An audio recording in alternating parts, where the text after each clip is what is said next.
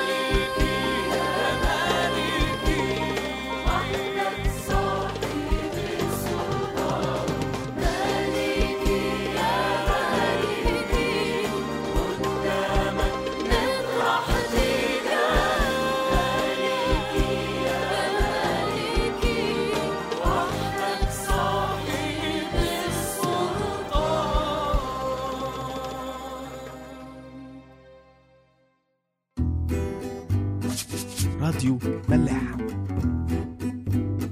رجعنا لكم تاني. سفر الأمثال إصحاح 27 آية رقم 7 بتقول كده النفس الشبعانة تدوس العسل وللنفس الجائعة كل مر حلو. زي ما كنا بنقول في أول الحلقة لو حد نازل وهو أصلا واكل في بيته كويس قوي صعب قوي إن هو ياكل تاني. أو غالبا مستحيل غير بعد فترة. فده اللي مكتوب هنا بيقول إنه النفس الشبعانة تدوس العسل. لو أنت شبعان مش هيهمك إيه اللي قدامك مهما كان حلو مهما كان مغري ومهما كان كل الناس بتقولك أنت تبقى غبي لو ما أكلتوش أو لو ما استفدتش منه أو لو حتى ما خدتش منه شوية وأكلته بعدين. طيب مين هي بقى النفس الشبعانة اللي سليمان بيقول لنا عليها هنا؟ كنت في مرة سمعت إن إحنا جوانا احتياجات كتيرة قوي احتياجات ما ينفعش حد محدود أو حاجة محدودة تسددها. زي احتياجنا للحب احتياجنا للاهتمام احتياجنا للأمان كلها دي احتياجات إحنا بنشحتها للأسف من بعض. بس لأننا محدودين ولأننا كلنا عندنا نقص في الاحتياجات دي فمش بنعرف نساعد بعض قوي. في حد واحد بس هو الغير محدود. هو اللي عنده كل الحاجات دي كتيرة قوي وتكفي كل الناس. زي ما كنا بنتكلم في الحلقة اللي فاتت على البركة لما ربنا أشبع الجموع مع إن كان عددهم بالآلاف أشبعهم بعدد بسيط قوي من الأكل. بارك فيه جدا ومش بس كفى الناس دي ده كمان فضل زيادة عنه. نفس الحكاية عند ربنا في حتة المشاعر والاحتياجات. فأيا كانت الاحتياجات اللي إحنا بنحتاجها وبنشحتها من بعض وبنقعد كتير قوي ندور عليها مش موجودة بس غير عند ربنا. وهو وحده بس اللي هيعرف يسدد احتياجاتنا دي. إحنا للأسف كل مرة بنلعبها غلط. بنقول إحنا جعانين عايزين ناكل.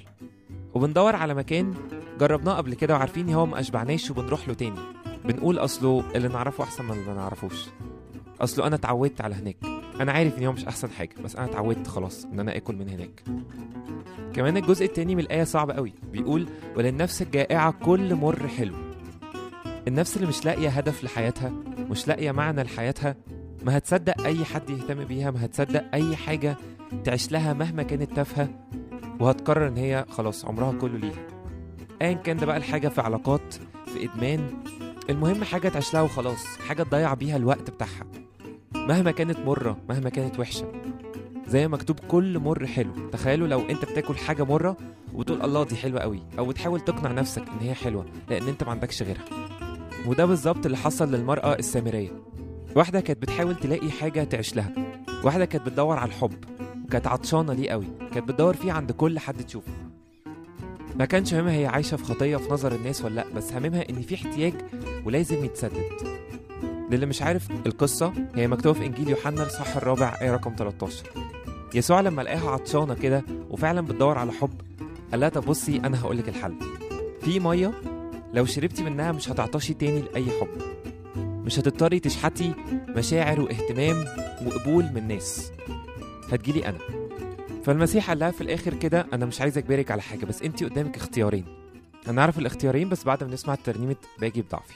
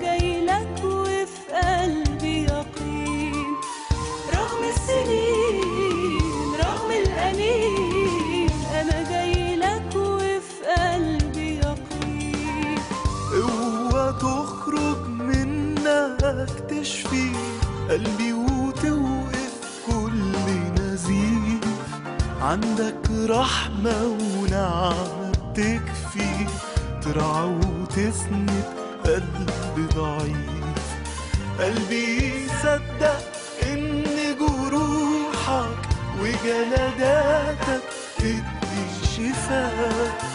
قلبي يسلم لعمل روحك وبحبك تديله رجاء.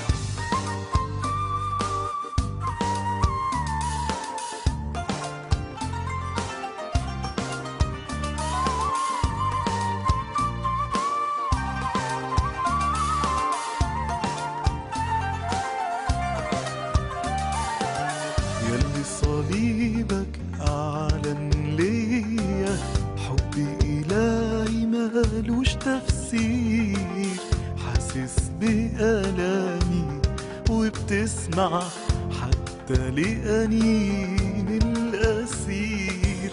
مرضي وضعفي وكسرة قلبي. لمسة منك راح تداويه ده أنت إلهي وحسني وسندي.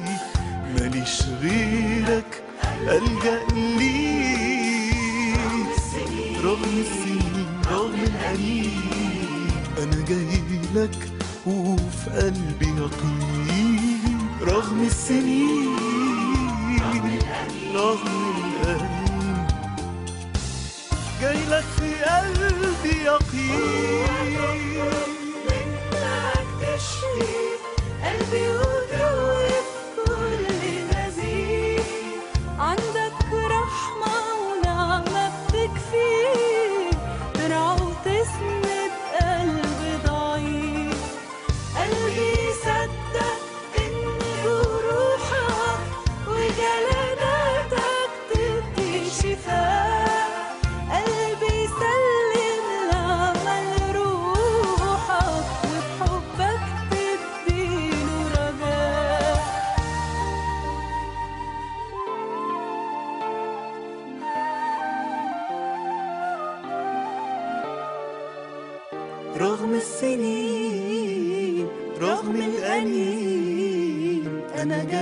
لك وفي قلبي يقين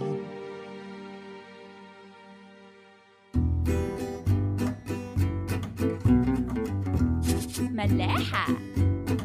رجعنا لكم تاني. الاختيارين اللي ربنا كان قالهم للمرأة السامرية هما نوعين من المية. أول نوع فيهم اللي هي كانت عايشة بيه وبتشرب منه. فربنا قال لها بصي المية اللي انت بتشربي منها دي عمرها ما هتشبعك. هتقعدي تشربي منها تاني وتاني. هتقعدي كل يوم تيجي وتقولي أنا عطشان. ده الاختيار الأول. الاختيار التاني نوع من المية لسه محدش عارفه نازل جديد. ده عندي أنا بس. واللي بيشربه عمره ما بيعطش تاني. المرأة السامرية حسبتها صح قوي. رغم إن إحنا كتير قوي بنبص عليها إن هي ست كان ماضيها وحش وكانت ماشيها بطال لكن هي ما همهاش كل ده. ما همهاش اللي كانت بتعمله زمان. هي همها مستقبلها. والفرصة أو الاوفر اللي معروض عليها دلوقتي. حسبتها صح. قالت له طب خلاص أنا اخترت الاختيار التاني المية اللي مش بتعطش تاني أنا مش عايز أشحت أنا مش عايز تاني أبقى بجري ورا ناس عشان أسد احتياجاتي أنا عايز أبقى عندي اكتفاء ذاتي زي ما بتقول. الكلام ده مكتوب في إنجيل يوحنا الإصحاح الرابع من آية 13 لآية 15 ربنا قال لها كده كل من يشرب من هذا الماء يعطش أيضا. ده الاختيار الأول. ولكن من يشرب من الماء الذي أعطيه أنا فلن يعطش إلى الأبد بل الماء الذي أعطيه يصير فيه ينبوع ماء ينبع إلى حياة أبدية. فقالت له المرأة يا سيد أعطني هذا الماء لكي لا أعطش ولا اتي إلى هنا لاستقي وكأن المرأة السامرية دي كانت عارفة اللي بطرس كتبه في رسالته الأولى الإصحاح الرابع وهو بيقول كده لكي لا يعيش أيضا الزمان الباقي في الجسد لشهوات الناس بل لإرادة الله. لأن زمان الحياة الذي مضى يكفينا لنكون قد عملنا إرادة الأمم سالكين في الدعارة والشهوات وإدمان الخمر والبطر والمنادمات وعبادة الأوثان المحرمة والمسيح زي ما عرض على المرأة السامرية الاختيارين دول جاي النهاردة وبيعرضوا لكل واحد فينا. زهقت من المية اللي انت بتشرب بيها اللي هي مش بتشبعك؟ زهقت من المر اللي انت بتاكله وبتضحك على نفسك وبتضحك على الناس وبتقول إنه ده مش مر ده, ده حاجة حلوة جدا؟ زهقت منه ولا لسه؟ زهقت منه ولا انت خايف تغير لنوع أكل تاني أو نوع مية تاني فتتعب؟ مسيح النهارده بيقول لنا إنه في مية تانية اللي هيشربها مش هيعطش تاني خالص. ولازم نحط في مخنا إن إحنا مش هينفع نشرب الميتين مع بعض أو نوعين الأكل دول مع بعض. يا ربنا يا الطريق التاني. الطريق التاني ده مش لازم يكون باين قوي إن هو طريق الشيطان. بس انت اسأل نفسك سؤال انت إيه اللي بيفرحك؟ إيه اللي بيشبعك؟ علاقاتك اصحابك حاجة معينة انت بتعملها؟ ولا قعدتك مع ربنا؟ ولا ربنا ذات نفسه؟ لو مش ربنا يبقى إحنا محتاجين نراجع نفسنا كتير قوي. سفر أرمية صح التاني آية رقم 13 ربنا بيقول كده لأن شعبي عمل شرين تركوني أنا ينبوع المياه الحية لينقروا لأنفسهم أبارا. أبارا مشققة لا تضبط ماء. تعالوا نسمع ترنيمة أنت المنبع الحقيقي ونرجع نكمل كلام. حولنا عنك عينينا وشرورنا زادت لفوق ورحنا نحفر آبار ما فيهاش غير الشهوق يا ما تعلقنا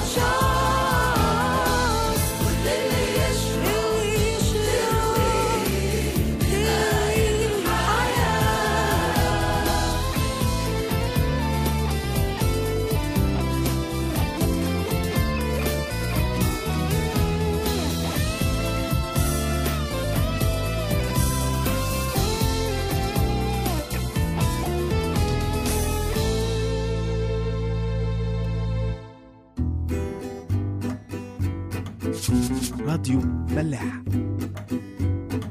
طيب رجعنا لكم تاني. ربنا عايزك تشبع. ربنا عايزك تدخل معاه في علاقة هي دي اللي هتغير حياتك هي دي اللي هتخلي لحياتك هدف ومعنى. انت مش واحد بالنسبة لناس كتيرة لربنا. ربنا بيقولك انت ابني بس هل انت قابل ربنا ان هو يبقى أبوك؟ الاختيار ليك. وزي ما مكتوب في إنجيل يوحنا أول إصحاح آية رقم 12 أما كل الذين قبلوه فأعطاهم سلطانا أن يصيروا أولادا لله. هل أنت قابل ربنا يكون باباك فعلا؟ هل أنت قابل المية والأكل بتاع ربنا؟ ولا لسه بتحن وبتحس إن أكل العالم هو اللي بيشبعك؟ هنسمع ترنيمة مشتاق ليك آخر ترنيمة معانا النهاردة. اشوفكم إن شاء الله في حلقة جديدة.